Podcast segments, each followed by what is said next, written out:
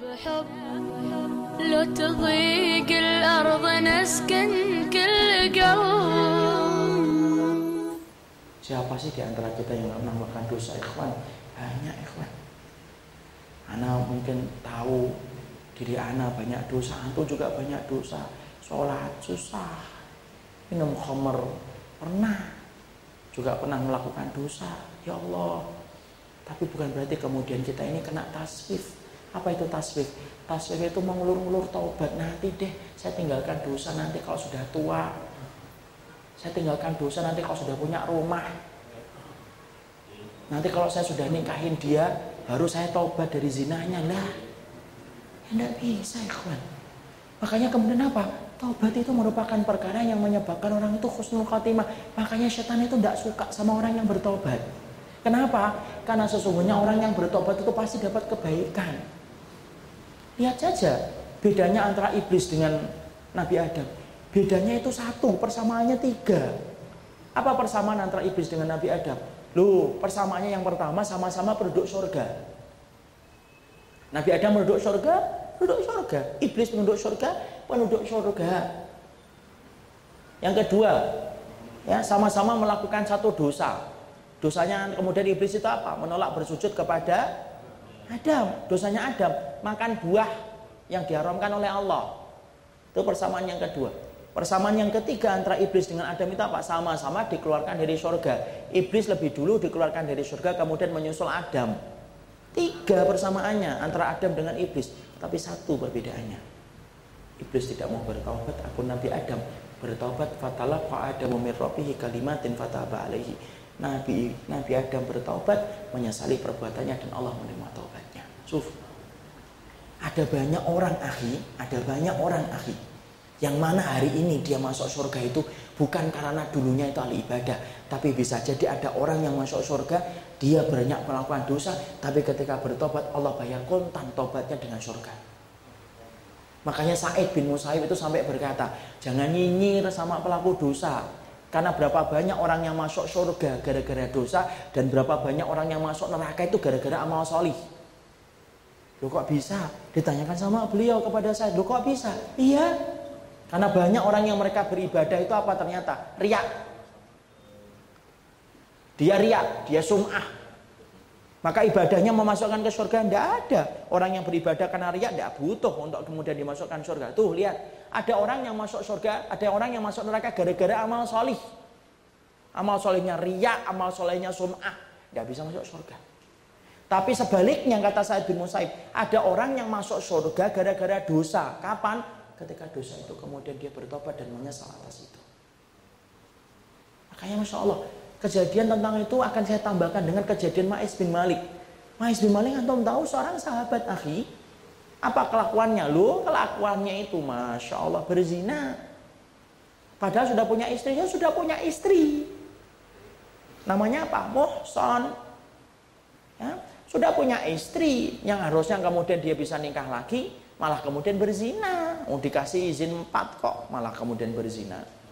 Ya. Maka kemudian dia berzina. Ketika kemudian harus berzina, kemudian menyesal. Dia menyesal habis berzina.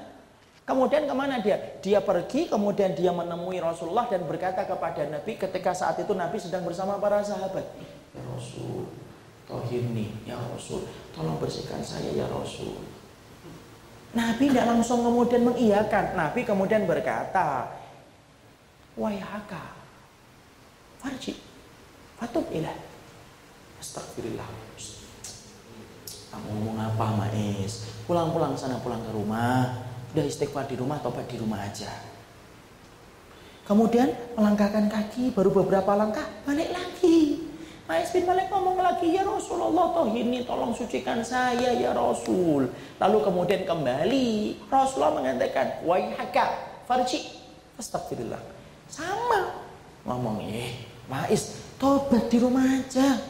Sudah pulang sana. Sampai berulang-ulang, akhi. Empat kali. Nabi memberikan kepadanya kesempatan tobat di rumah.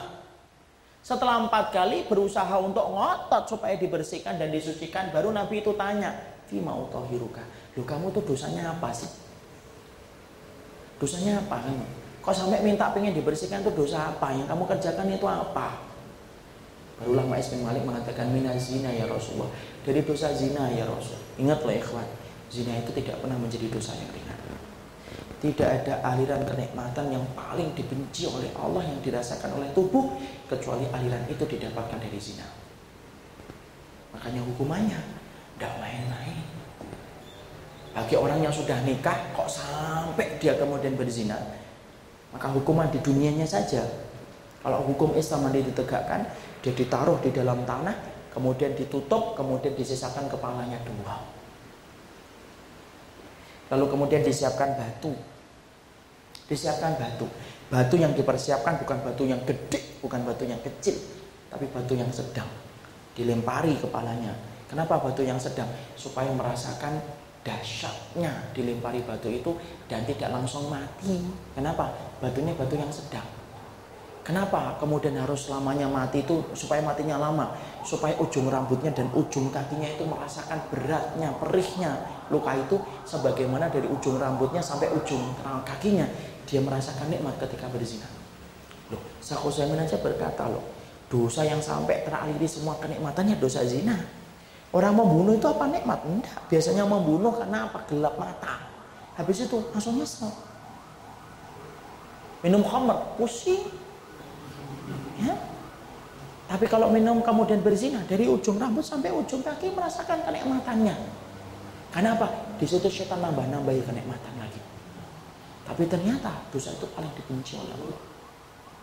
Maka kemudian di situ sampai kemudian akhirnya dia dilempari. Ma'is bin Malik akhirnya apa? Ya Rasulullah tolonglah. Akhirnya apa? Ditegakkan hukuman itu sampai kemudian di, dia dimakamkan, sampai kemudian dia dihukum, dimasukkan ke lubang, kemudian tertinggal kepalanya dilempari batu prek satu, prek dua, prek tiga sampai akhirnya mati. Anda bisa bayangkan kepala ikhwan dilemparin batu sampai meninggal dunia. Setelah ketika meninggal dunia ada sebuah kejadian. Apa kejadiannya? Lu para sahabat kemudian bertengkar dalam tanda kutip, bukan bertengkar, bertikai tentang status kematiannya Ma'is ini.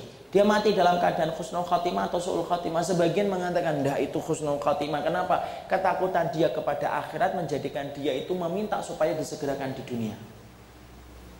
Kenapa? Nabi sudah memberikan kesempatan empat kali kok bagi dia. Sonolo, tobat di rumah aja. Tapi ternyata kemudian dia tetap mati, tetap meminta lagi, meminta lagi supaya kemudian dimatikan dengan hukuman ajab.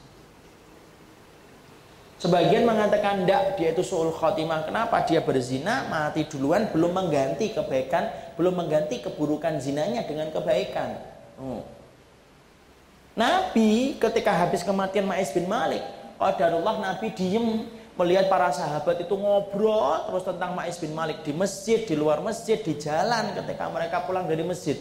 Nabi saat itu diem. Kenapa Nabi kok diem Ustaz? Karena saat itu belum turun wahyu memberitahukan bagaimana status kematiannya Ma'is. Berapa hari? Dua atau tiga hari kata Abu Hurairah. Baru setelah dua atau tiga hari, barulah kemudian Rasulullah itu berkata, uskutu diemnya, sudah tidak boleh ada lagi pembicaraan tentang ma'is. Istaghfiru li akhikum ma'is. Sekarang saatnya kalian itu memintakan ampunan kepada Ma'is bin Malik.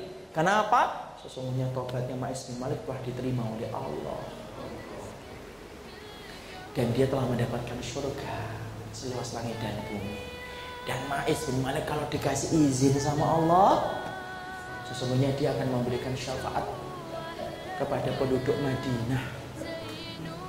Karena besarnya kedudukan Allah ketika ridho kepada Ma'is bin Malik.